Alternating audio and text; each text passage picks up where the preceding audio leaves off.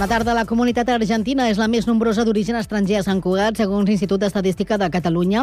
El regnat de la ciutadania argentina és imbatible en els últims 10 anys. En els 10 anteriors sempre ha ocupat la segona i la tercera posició del rànquing. Si parlem de podi, l'Argentina fa equip amb Venezuela i França i constitueixen el bloc d'origen estranger més present dels últims 5 anys. Aquests santcubatencs veïns del Mar de Plata conformen actualment un col·lectiu de 1.814 ciutadans amb una activitat sempre destacada a Sant Cugat entre el 2002 i el 2022. Són 20 anys de radiografia social que Cugat Mèdia repassa per veure l'evolució de les comunitats d'origen estranger al municipi. Ho poden consultar a www.cugat.cat.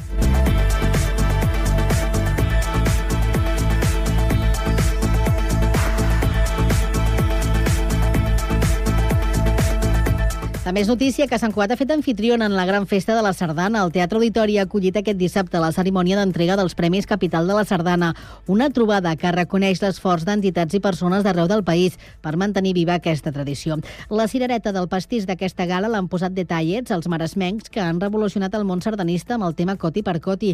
Han rebut un dels grans guardons per aquest fet i li han retornat el favor interpretant una nova versió de la cançó amb arranjaments de la Copla Sant Jordi, ciutat de Barcelona, que els han acompanyat sobre l'escenari. Més notícia de la plana esportiva en aquest dilluns que el primer equip femení del rugby Sant Cugat ha superat per 18 a 16 el Barça a la jornada 4 a la Lliga Iberdrola. En una gran remuntada en el segon temps, les santcugatenques s'han vist superades en el primer temps per un conjunt blaugrana molt intens i dinàmic que ha marxat al descans amb un 6 a 15 al seu a favor. A la represa, les d'Albert Casorran han estat molt efectives en atac i molt sòlides en defensa, sumant el tercer triomf consecutiu. I el primer, mascu... el primer equip masculí de l'handbol Sant Cugat ha superat a 30-23 l'handbol Molins en la jornada 15 del grup D de Primera Nacional. Un nou triomf de l'equip dirigit per Dani Ariño, construït un cop més amb els gols de Jordi Sancho, que aquest cap de setmana ha foradat la porteria en 13 ocasions. Els santcugatencs tanquen la primera volta amb 10 victòries, dos empats i dues derrotes i a 3 punts del líder, que és la Roca. El primer equip masculí del rugby Sant Cugat supera àmpliament per 68 a 3 el BUC i té a tocar la classificació per jugar a la fase d'ascens a Divisió d'Honor, que és la màxima categoria estatal. Els santcugatencs s'han desfet còmodament del conjunt barceloní a la penúltima jornada del grup B de la Divisió d'Honor B.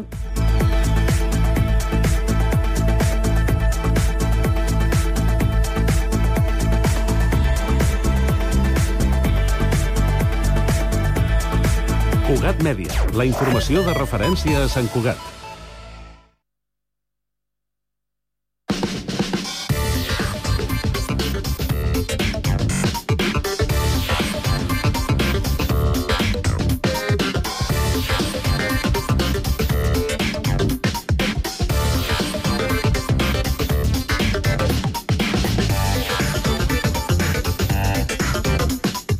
De la tarda, 3 minuts, inici de la segona i última hora d'aquest Connectats de dilluns. Anem amb la informació de servei, comencem pel trànsit. Marta Carbó, bona tarda.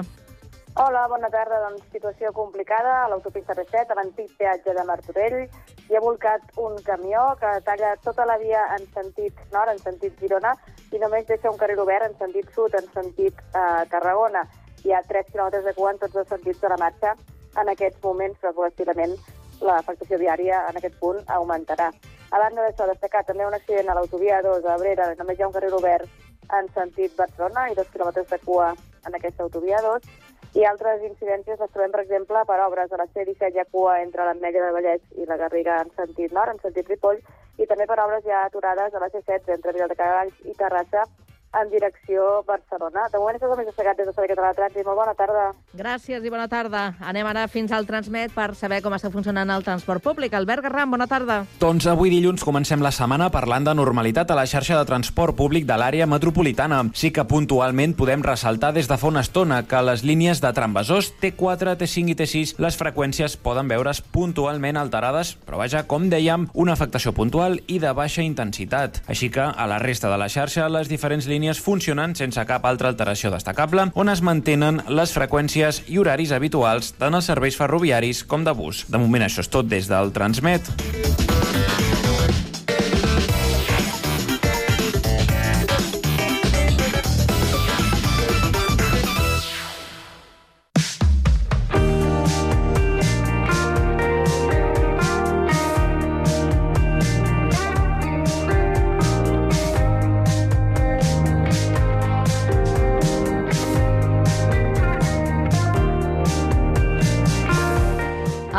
Personatge d'avui el tenim a punt a Sabadell i és una eminència en l'estudi de l'art antic i el col·leccionisme d'art.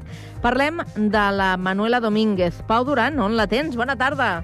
Bona tarda, doncs ja la tinc asseguda a l'estudi. Manuela, com estàs? Molt bé, encantada d'estar aquí. Gràcies, Pau, per convidar-me. Doncs mira, tenia molta curiositat per portar-te i a més perquè, el, a banda de que això dels departaments de, de musicologia, de història de l'art, sempre mm, té, com una sensació de dir, ostres, aquesta gent sí que sap d'això, saps? Que jo a vegades només ho disfruto, però no sé com descodificar-ho, no? Clar, per exemple, em, em, em crida molt l'atenció que siguis especialista en art antic. Com et va donar per aquí? Doncs sí, la veritat és que ha estat una passió que he tingut des de petita. Eh? Recordo, de fet, quan anava a l'institut, que feia ciències pures, que al final un dia, abans d'un examen de matemàtiques, vaig decidir anar a veure la pel·li del Gladiator. I va ser com en el moment que vaig dir, bueno, el meu no són les ciències, no? sinó que sempre he tingut aquesta vocació per, per la història i per l'art, perquè d'alguna manera per mi l'art és l'ens que, que aglutina totes les humanitats, no? I, i bueno, com que m'agradava tot, la filosofia, la música, la història... La història de l'art, per mi, d'alguna manera, doncs, resumeix eh, tot plegat eh, això, no? I, I per això me vaig decantar al final doncs, per aquesta disciplina.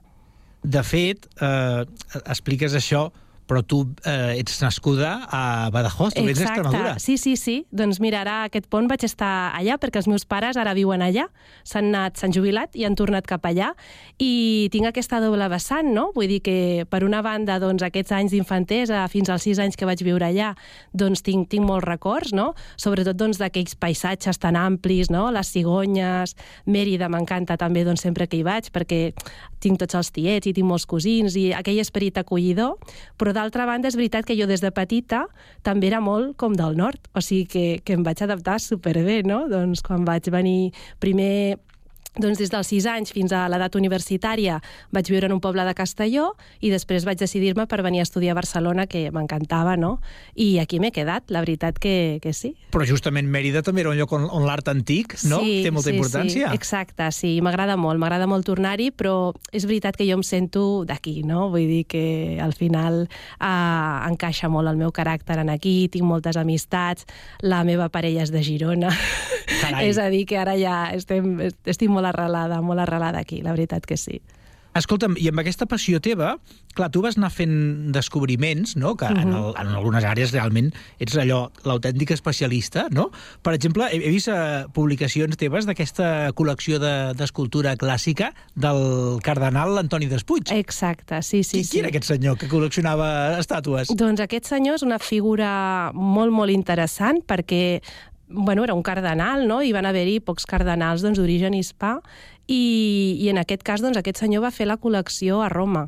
Per tant, és una col·lecció de primer nivell, no? en el moment en el qual passen molts esdeveniments històrics, no? estem parlant doncs, de l'època de Napoleó, de la creació del Museu Pius Clementino, bueno, en fi, eh, de molts esdeveniments històrics en els quals ell és protagonista i en els quals també ell forja doncs, una col·lecció que al final de la seva vida ell porta cap a, cap a Mallorca, no? perquè ell mai oblida doncs, casa seva, els seus orígens i els seus somni és tornar allà, fundar un museu i una biblioteca amb vocació pública, no? Vull dir que té molt aquest esperit il·lustrat que, que a mi també m'encanta no? doncs aquesta, aquesta època i que intento molt transmetre com aquest esperit de vocació, no? de, de vocació pública, no? d'utilitas en el meu alumnat, no? que penso que al final avui en dia se'ns ha oblidat una miqueta, no? estem més centrats en aquesta qüestió individualista i m'agrada evocar doncs, aquesta època.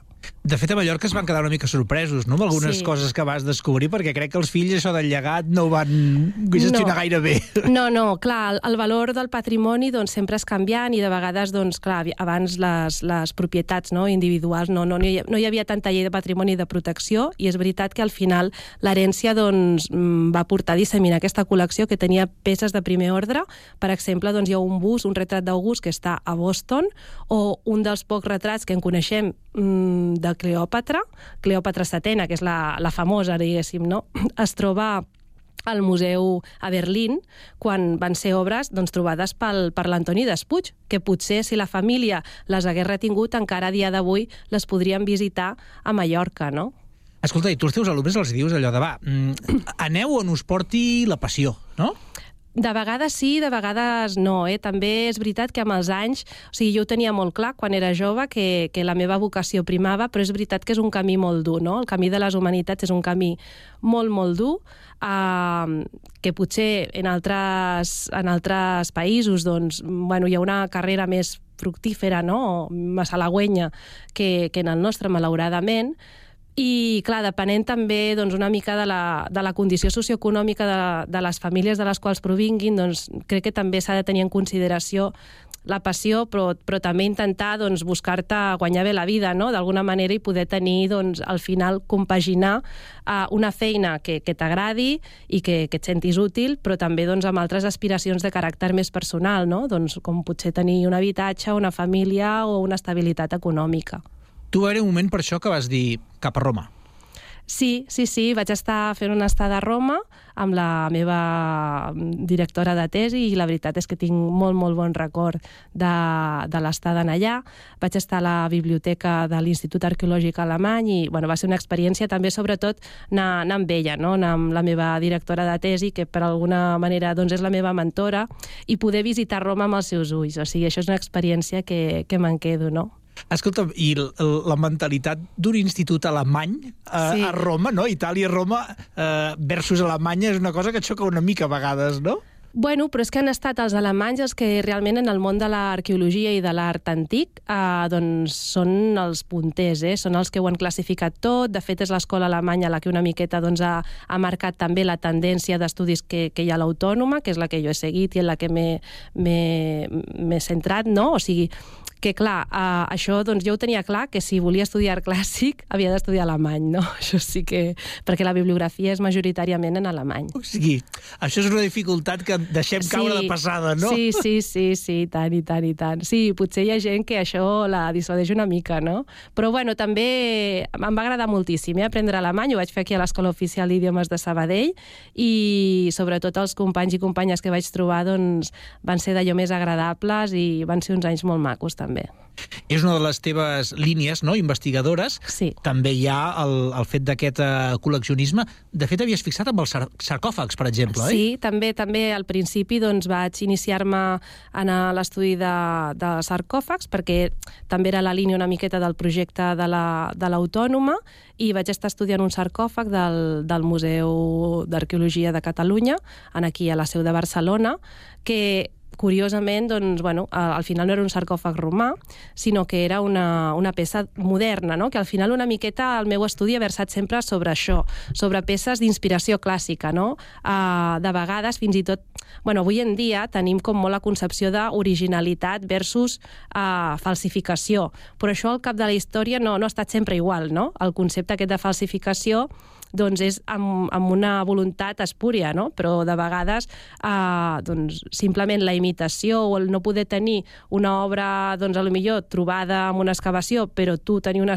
una obra d'estil clàssic, doncs això també mm, estava bé, no?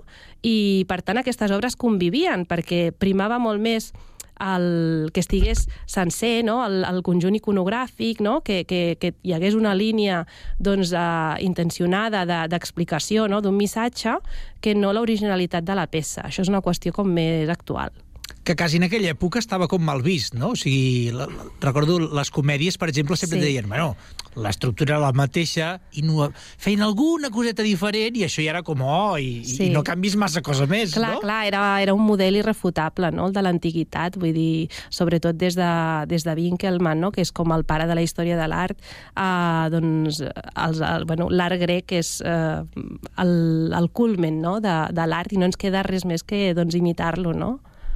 Escolta'm, eh, una de les teves aportacions també és el poder haver afegit rigorositat en el tema de datar les peces. Sí, sí, exacte, i això és molt important perquè és veritat que d'alguna manera aquestes obres modernes s'havien menys tingut o fins i tot obres eh, antigues per no ser iconogràficament, diguéssim, molt destacades, doncs també s'havien deixat de banda quan ens donen molta informació de caràcter també de contextual, no? Per exemple, allà a, a Mallorca queden moltes obres amb les quals hem pogut reconstruir doncs, mm, com era l'origen en el qual estàvem, probablement doncs, una, una vila romana, en un context de, de seguici mm, d'Erotes, no? de Dionís i tal, doncs, per tant, eh, això, aquestes obres, a lo millor tu les veus i no són atractives estèticament, però te dona molta informació per reconstruir el context i també doncs, per datar aquest context que ha desaparegut, perquè, clar, les excavacions eh, abans eren salvatges, no? i no,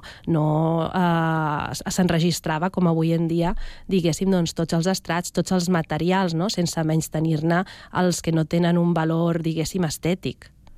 I també una de les uh, línies que tu treballes és el fet aquest del el gust antiquari, Sí, no? Del, sí, sí, del sí. 16 al 19, no? Els segles, sí, més? Sí, sí, sí, perquè al final a la col·lecció d'Espuig jo m'he trobat peces, mm, o sigui, això, tant del 16 com del 17, hereves doncs, d'altres col·leccions, no?, que es van anar alienant i, i van anar adquirint també en bloc per una mica doncs, completar la decoració de, dels seus palaus, no?, de, de les cases nobiliàries, i després de, de la seva pròpia època, no?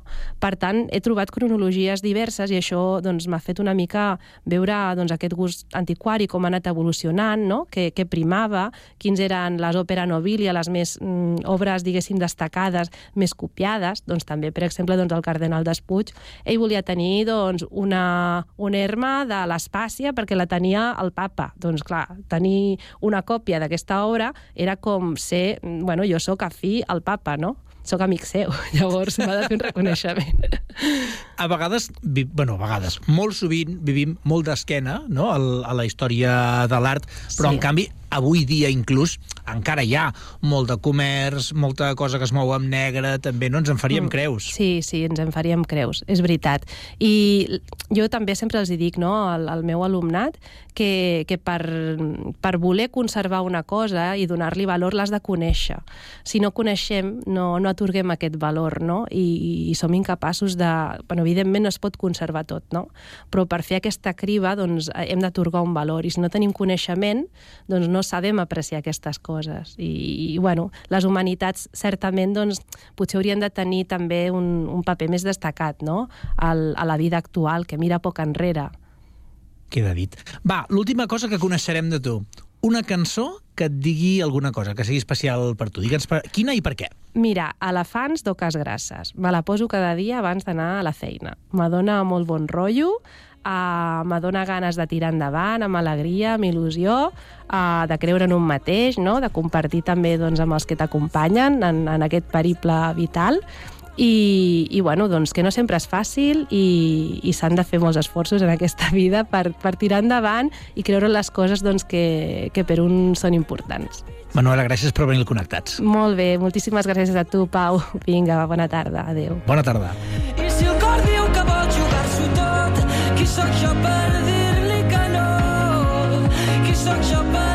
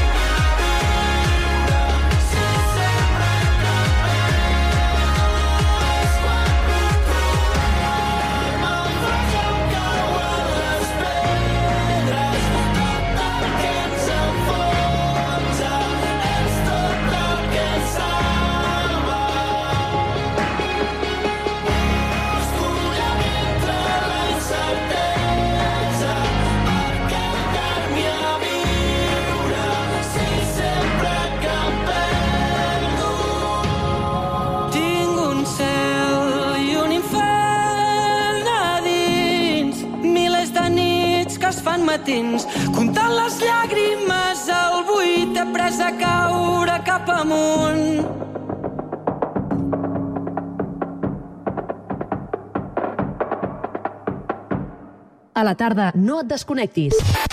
A la teva ràdio local, connectats. Can't touch this. Can't touch this.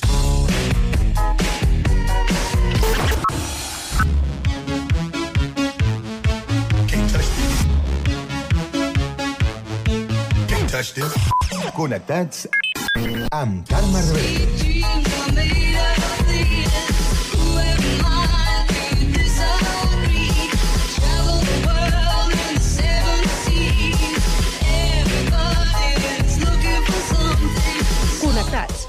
Experiència radiofònica a Sabadell, Terrassa, Sant Cugat, El Prat, Castellà i Badalona.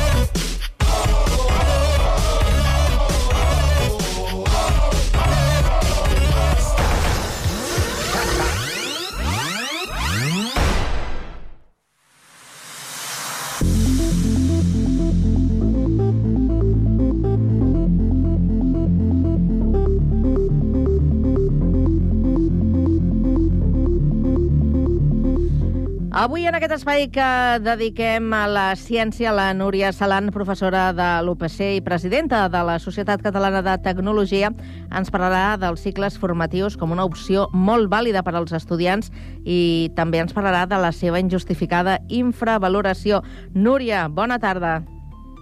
Molt bona tarda. Encara continuem veient aquests cicles formatius com el prem pobre de la formació? Lamentablement sí. Mira, jo cada vegada que parlo amb mares, pares que em plantegen el, el que voldrien per les seves criatures i tal, i jo me'ls quedo mirant i dic, però qui has preguntat a la criatura què vol fer? Mm. I perquè potser la teva criatura el que vol fer és un cicle formatiu de l'àmbit electrònic, mecànic, de manteniment, perquè més tindran feina, s'ho passaran bé, són persones moltes vegades que tenen molta habilitat manipulativa i els tanques en una aula, els envoltes d'àlgebra i, i, i la veritat és que perdem aquestes criatures. I quan aquests mares o pares em diuen no, no, és que la, la FP, que encara li diuen la FP, no, i fa poc una persona em va dir això és de losers, mira, perquè és molt amiga meva, no li vaig enclastrar un clatallot, perquè ni és cert ni és just. Llavors, els itineraris formatius són això, itineraris formatius. Ni la universitat és millor ni, ni una altra cosa és pitjor. I és més, des d'un cicle formatiu, més endavant, qui vulgui, poden arribar a la universitat. Vull dir, nosaltres tenim a la- a l'escola nostra, l'Escola Superior d'Enginyeria Industrial, Aeroespacial i Audiovisual de Terrassa, tenim molts cicles en els que bona part de la població que ens arriba han fet prèviament uns cicles formatius i no un batxillerat.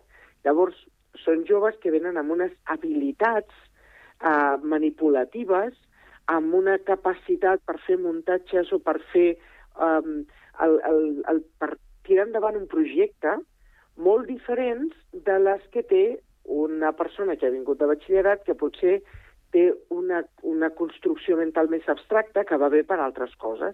Llavors tot acaba sumant. Però el que sí que no... mm, Em, em sap greu eh, que, que tinguin aquesta visió injusta i negativa quan no és.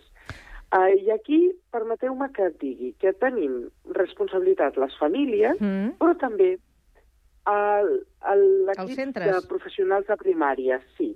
Perquè quan els nens i les nenes comencen a plantejar què podrien fer, jo m'he trobat també amb mestres de primària que em diuen oh, és que aquest nen o aquesta nena és que és molt bo.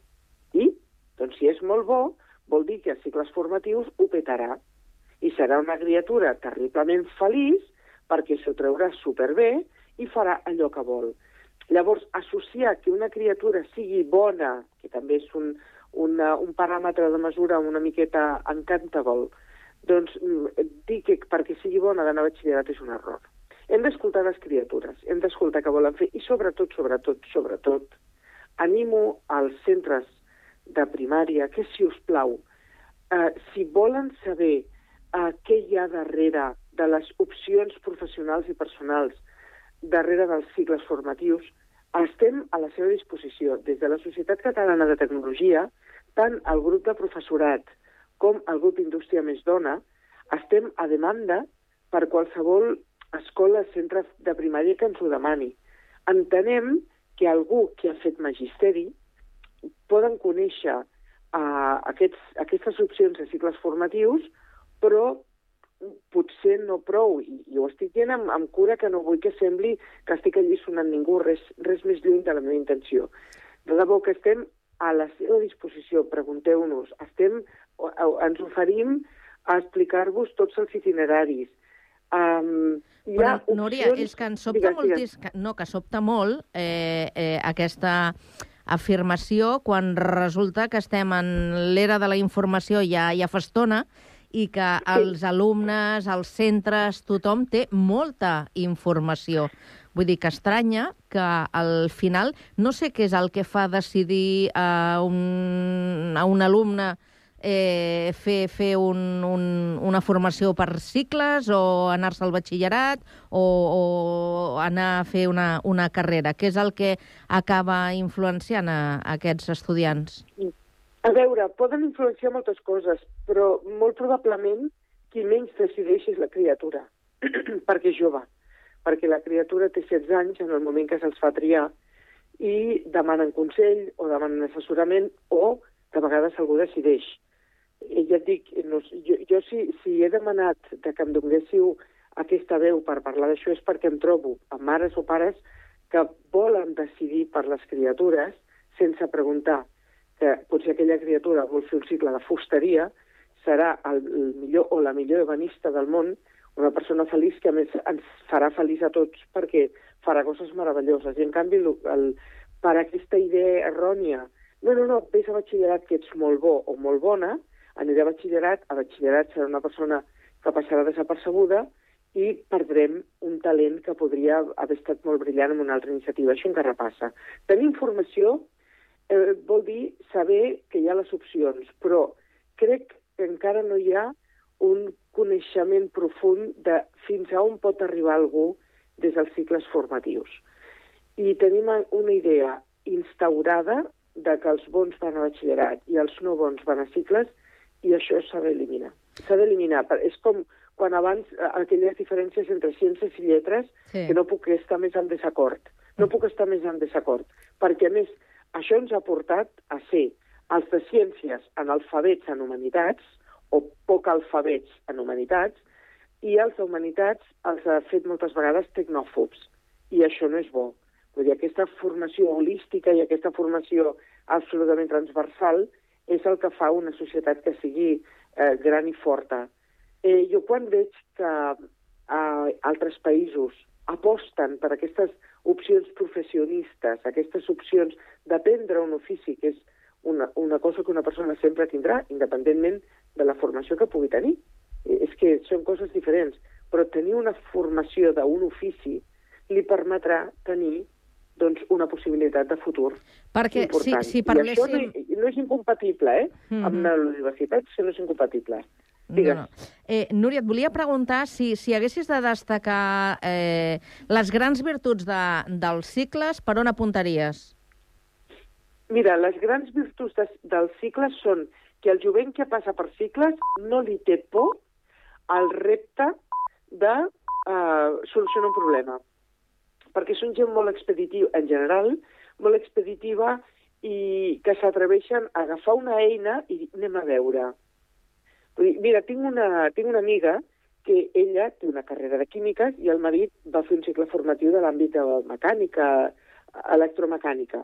Llavors, ella diu, quan se'ns se'ns espatlla una llum a casa, mentre jo estic pensant um, a veure per on va la deriva, que tal i que qual, diu, ell ha agafat, ha desmuntat la, la làmpara, ha buscat què és el que fa ha anat a buscar la peça i ja ho ha muntat.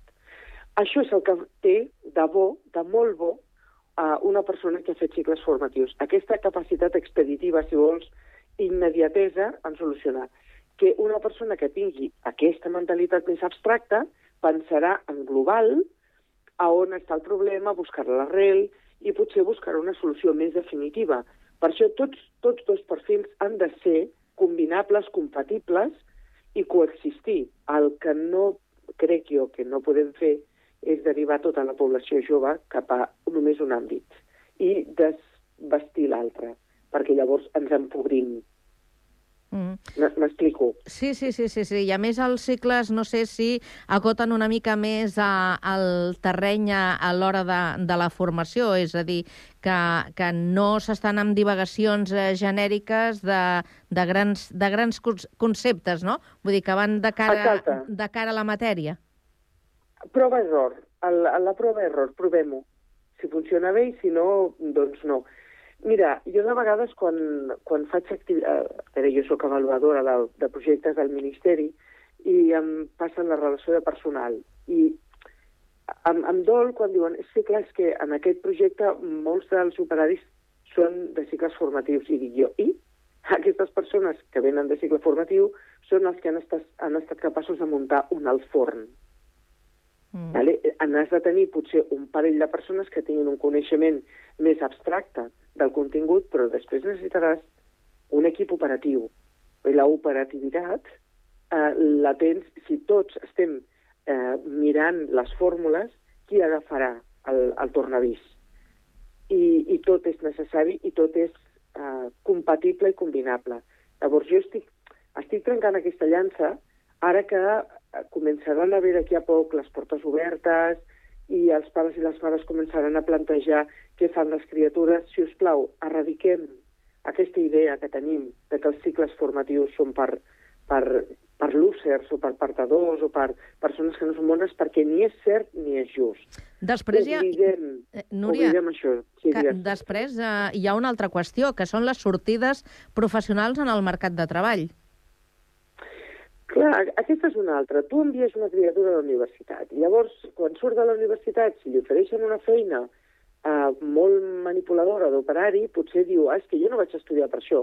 A veure, confonem també aquestes coses. Confonem la formació amb les aptituds eh, laborals o professionals. Que tu tinguis una carrera universitària no vol dir que només hagis de treballar d'això, pots treballar del que vulguis pots treballar absolutament del que vulguis. La formació no limita, la formació senzillament t'enriqueix internament perquè tu siguis capaç de després de prendre decisions. Eh, una persona pot tenir una formació en filosofia i ser eh, brillant amb un tornavís a la mà. És que no són coses incompatibles. I quan comencem a sectoritzar eh, la formació i a fer com caixes i a dir, que no sé qui se li va acudir dir, tu no pots passar d'una caixa a una altra, perdoneu, això no és cert. No és cert. Llavors, apelo a aquella figura renaixentista d'aquella persona que era capaç de fer de tot i d'enamorar-se de tot. Hem tingut grans químics que han estat compositors musicals i hem tingut eh, persones de ciències que han estat han desenvolupat eh, la millor lingüística que tenim. Apelo al nom de Pompeu Fabra, per exemple, que era enginyer industrial. Mm. I, i aquesta pluralitat de capacitats eh, crec que les famílies de cicles formatius la desenvolupen millor en aquests moments que la universitat. I vull pensar que si m'està escoltant algú de la meva universitat no pensi que estic traint res ni ningú, sinó que, tot el contrari, m'agradaria pensar que tenim una població ben formada, ben informada, i que amb aquesta formació consolidada i amb aquesta informació ben incorporada, el dia de demà, quan decideixin escollir una carrera universitària, ho faran amb molt més coneixement de causa que només haver arribat per inèrcia. Doncs, eh, Núria, eh, recollim eh, aquest toc d'atenció que intentem fer arribar a les famílies, a les escoles, als instituts, perquè aquests eh, futurs professionals doncs, eh, puguin tenir la, la, la capacitat eh, total de poder decidir a què, es, a què es volen dedicar en un futur. Núria bé, I reitero l'oferiment de que, de debò, si algú ens està escoltant i vol informació, que contacti amb nosaltres, que contacti amb mi, que de debò, que si no sóc jo, li posaré en contacte amb algú que amb tota la generositat i amplitud de, de detalls eh, informarem de totes les sortides professionals que podríem tenir.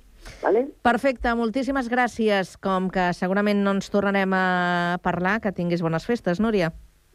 Moltíssimes gràcies. Que vagi molt bé, bona tarda. Vinga, bon Nadal, adéu. adéu.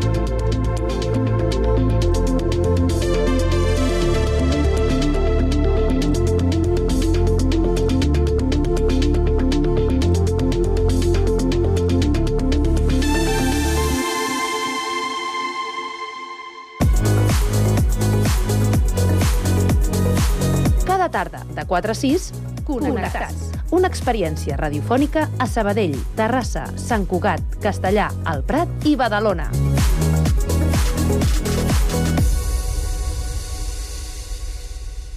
Avui fa 80 anyets el músic i compositor anglès eh, Keith Richards. És el cofundador, guitarrista, vocalista secundari i coautor principal de les cançons del grup The Rolling Stones. Nascut a Dartford, la seva col·laboració amb Mike Jagger és una de les més reeixides de la història. Com a personatge se'l considera una figura contracultural, protagonista de les revistes del cor i conegut eh, pel eh, seu consum de drogues il·lícites, un altre 18 de desembre de 1981 va estampar-li la guitarra al cap a, a un fan quan pujava a l'escenari en un concert a Virgínia. Val a dir que la banda segueix donant-ho tot creativament parlant amb aquest eh, Maze It Up.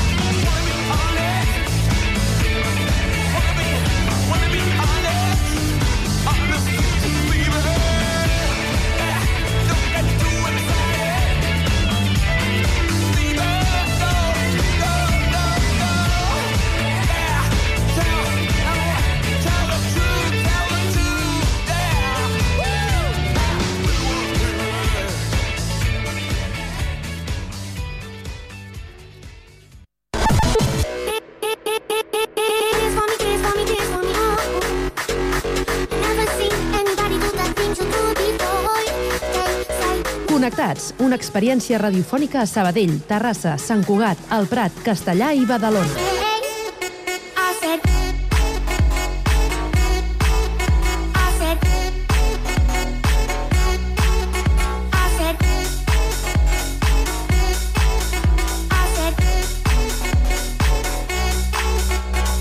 Connectats amb Carme Reverte.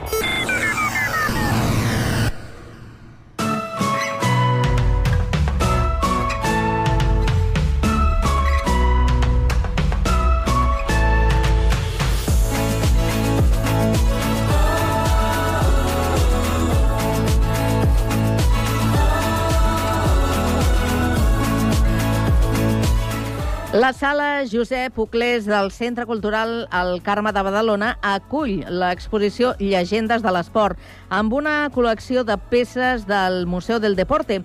En parlem amb el director i cofundador del Museu del Deporte, Alfonso Noain. Buenas tardes, Alfonso. Hola, buenas tardes, ¿cómo estáis? Muy bien. Eh, déjame que saludemos también a nuestra compañera Andrea Romera, que se encuentra en los estudios de Radio Ciudad de Badalona. Andrea, buena tarde. Buena tarde. Bueno, pues hoy, hoy, hablamos de una exposición, la de Leyendas del Sport, que como comentábamos es una colección de piezas icónicas del mundo del deporte. Explícanos qué podríamos eh, encontrar. Pon algún ejemplo de las piezas que podríamos encontrar en esta exposición, Alfonso. Sí, bueno, nada más entrar en la exposición uno se encuentra, se topa de frente con un auténtico Fórmula 1, un Ferrari del año 2017, el modelo SH70, que condujo pues Sebastián Vettel, campeón del mundo, condujo Raikkonen, en fin, es la, escudería más mítica de la Fórmula 1, ¿no? Eso, pues eh, alguien que va pasando por el centro de Badalona y se abre la puerta y ya se topa con eso de frente, pues es lo que más llama la atención. Impacta, Aparte ¿no? de eso, pues eh, otras muchísimas cosas, sí. ¿Qué más? ¿Qué más, por ejemplo? Danos algún ejemplo más. Bueno, te, sí, por, por acabar con la zona de motor, pues una, la moto de Jorge Martínez Aspar, que es un piloto mítico que ganó en una sola temporada en dos categorías diferentes, algo que ya no se hace. Pero luego, pues, eh, en fin, en, en, el fútbol, pues tenemos eh, una, unas réplicas de las botas que, llevó Iniesta en la final de Sudáfrica, firmadas por él, un balón de la final, tenemos camisetas de, fútbol, de, en fin, de Mbappé, de, de Haaland, eh, baloncesto, obviamente en una ciudad como Badalona hay mucho baloncesto, obviamente están los, los trofeos y, la camiseta de, del Juventud que, que, llevó Ricky Rubio para debutar eh, como el jugador más precoz de, de hacerlo en, en la Liga CB. Eh, y mucho polideportivo también, eh, pues desde las antorchas olímpicas, las tres que han pasado por España, sí. hasta bueno deportes un poquito más, eh, digamos, menos practicados, como el hockey o balonmano, rugby. Hay un rinconcito para el, el equipo de los Drags de, de, Badalona. En fin, prácticamente todas las disciplinas están contempladas en la exposición. Ajá. Y como nos explicabas y interpretamos, es una exposición que no solo eh, recoge piezas de deportistas eh, españoles, sino que es en el ámbito internacional del deporte, ¿no? Bueno, se intenta eh, contextualizar. Esta, esta exposición eh, ha visitado bastantes lugares de España, entonces es verdad que las grandes gestas del deporte español son las que tienen una representación mayor, pero todas ellas se intentan contextualizar pues con alguna figura de renombre mundial. Hay una zona, por ejemplo, en la que hablamos de los límites eh, del ser humano contra, eh, o sea, perdón, el ser humano contra sus propios límites. Sí. Y visualizamos ahí el récord del mundo de salto a altura que batió Javier Sotomayor por allá por 1993, es el cubano Javier Sotomayor, y tenemos la zapatilla, el pantalón, la camiseta, y al lado tenemos también la camiseta y la zapatilla de quien batió el récord de España. Y algo parecido hacemos, por ejemplo, con el, ser humano que, que, más rápido ha, ha corrido en, sobre la faz de la Tierra, que es Usain Bolt, que, tiene, como la mayoría de la gente conoce, el récord del mundo de 100 metros lisos, pues al lado de la zapatilla y la camiseta de podio de Usain Bolt del, eh, de, las, de, los Juegos Olímpicos de 2012, eh, incluimos también pues la zapatilla del eh, Jimmy Bicot, que es el récord de Europa de 100 metros lisos, y la zapatilla de eh, Bruno Hortelano, que es el récord de España de 200 metros lisos. Así que combinamos un poco gestas nacionales, gestas locales y también algunas grandes leyendas internacionales del deporte. Y además combináis piezas con otros soportes, como por ejemplo las pantallas. ¿Cuál es el factor añadido que aportan eh, estos complementos a la exposición? Bueno, yo creo que el 99,9% de los aficionados al deporte han asistido a estas gestas o se han emocionado con este tipo de gestas a través de, imágenes, ¿no? Eh, muy poca gente ha tenido la oportunidad de vivir un récord del mundo o una medalla de oro olímpica en, en directo en el estadio. Entonces, eh, es un soporte fundamental para, por ejemplo, recordar eh, que Fermín Cacho fue medalla de oro en, en, los 1500 de Barcelona 92 y tener el chándal de Fermín Cacho ahí con el que subió al podio firmado y dedicado por él y ver aquella carrera tan emocionante, pues que yo creo que prácticamente nadie de cierta generación olvida, ¿no? Como uno de los, eh, en fin, de, de, de, las pruebas icónicas de aquellos inolvidables juegos de, de, Barcelona 92. Y luego hay otro, otra cosa también que es bastante utilizada en la exposición, que son las audioguías a través de códigos QR. Obviamente, pues a nadie se le escapa que somos incapaces de estar dos minutos sin mirar a nuestro teléfono móvil, pero sí que hemos intentado que ese teléfono móvil, ya que estamos en la exposición, lo utilicemos para ampliar un poco conocimientos acerca de esos objetos que estamos viendo en la exposición. Eh, pues está desde José María García dando la bienvenida a la entrada a la exposición, un eh, Antonio Lobato hablando de la Fórmula 1, eh, una María Escario hablando del deporte femenino, un Jesús Álvarez hablando del deportes de equipo, eh, etcétera, etcétera. Es decir, eh, a, ambos soportes, digamos, eh, digitales, pues se complementan un poco la emoción de ver un, un objeto original, ¿no? Mm. El Museo del Deporte, Alfonso, imagino que tendrá muchas piezas de este tipo. ¿En la exposición de Badalona se pueden ver todas vuestras piezas o solo algunas? Hemos traído una, una representación. Eh, el inventario del Museo del Deporte lo componen alrededor de mil objetos inventariados, eh, calificados, eh, narrados, etcétera. Y aquí a la exposición de Badalona andamos entre los 200, 250 objetos finalmente, así que más o menos el 25% pasa en, en, muchas exposiciones y en muchos museos, ¿no? Al final, pues las restricciones de espacio, la narrativa que se intenta crear para, para ese espacio, eh, hace que, se, expongan pues un, un, porcentaje de ellos. Con todo, eh, se intenta siempre, y creo que aquí se ha logrado porque creo eh, queda un poquito mal que lo diga yo, pero vamos, por las opiniones que nos están llegando de Badalona, creo que hemos logrado pues una, una bonita exposición donde, como os decía al principio, casi todas las disciplinas eh, incluido deporte femenino, deporte paralímpico, están incluidas. De todas maneras, 250 objetos no es eh, una cosa pequeña, quiero decir, son muchas las piezas que se pueden observar. ¿Cómo ha sido la selección de estas piezas? Bueno, mira, el, el, proyecto del Museo del Deporte es un proyecto que va a cumplir 15 años ya el año que viene. Eh, eh, surgió un poco eh, cuando Madrid estaba optando por los Juegos de Madrid 2016. Si recordáis, Madrid optó a tres Juegos Olímpicos seguidos, los del 12, los del 16 y los del 20.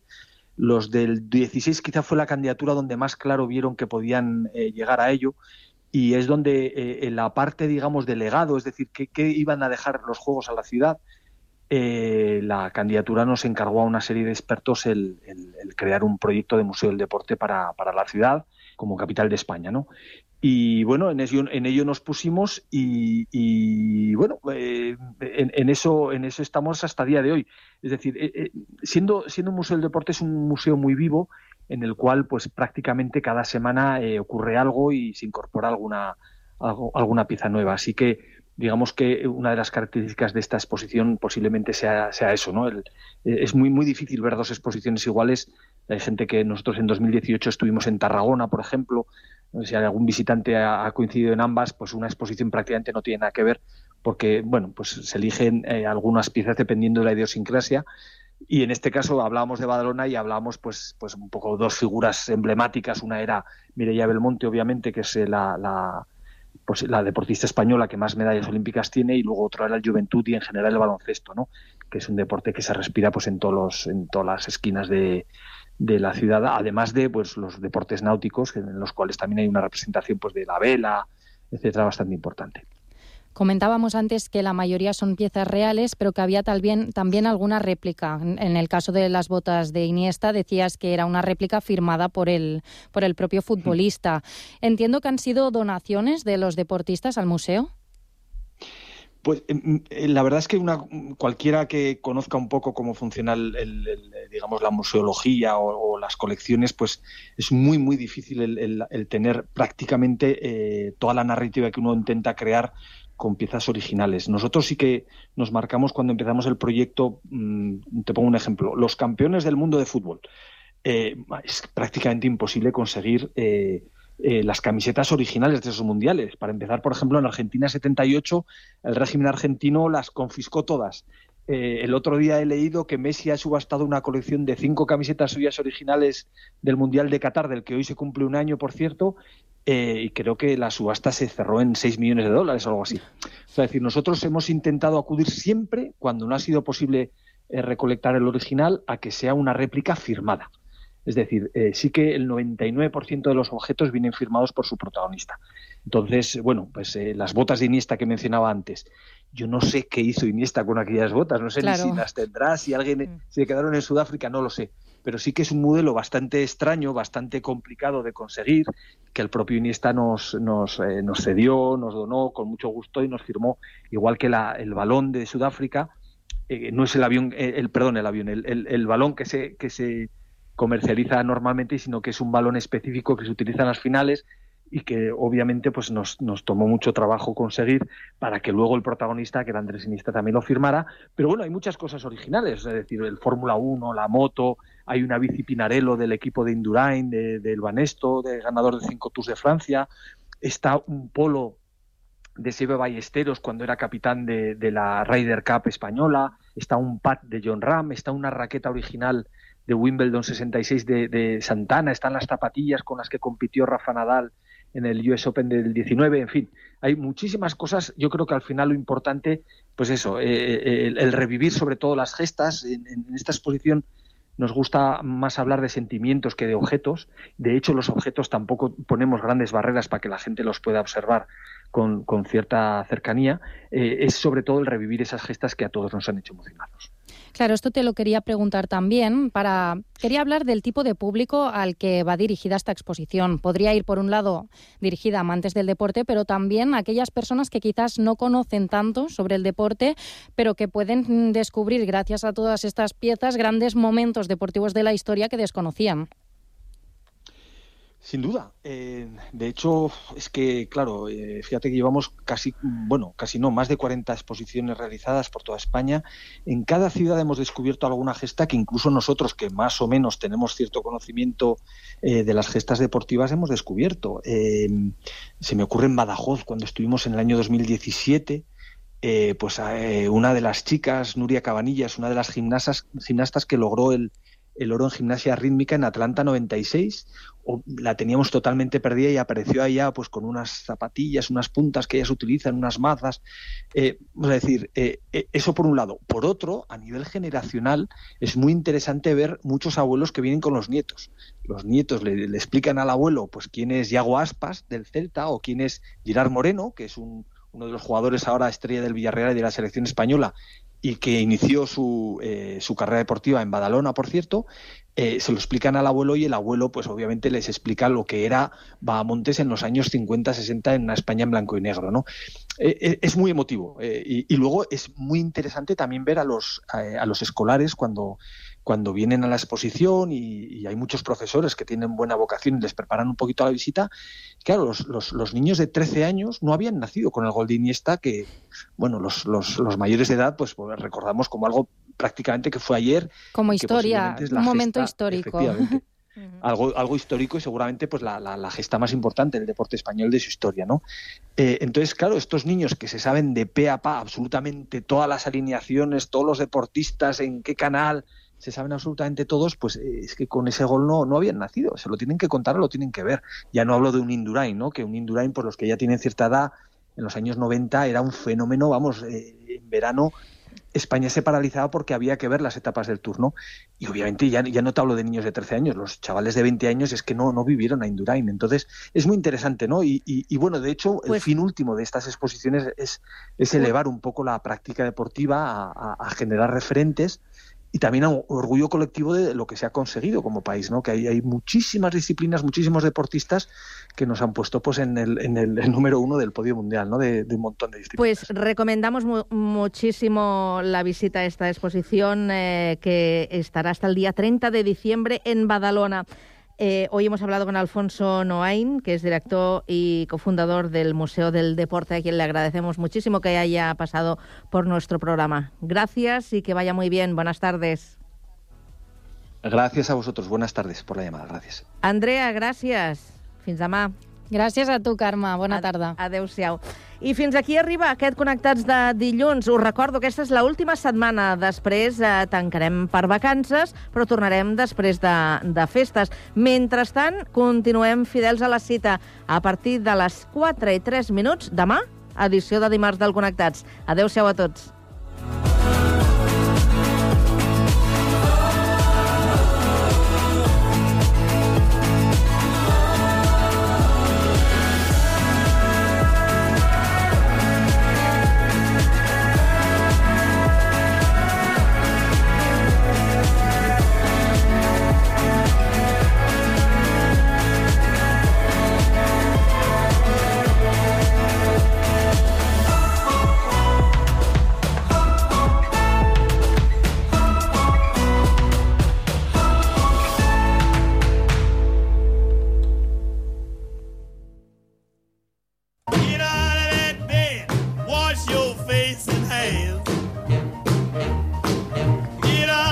Això era la cançó Shake, Rotten and Roll de Big Joe Turner del 1954 i això se li deia Rhythm and Blues.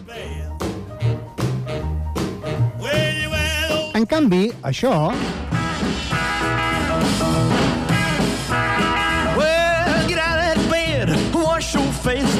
És la mateixa cançó interpretada per Elvis Presley al 1956 i aleshores se li deia rock and roll.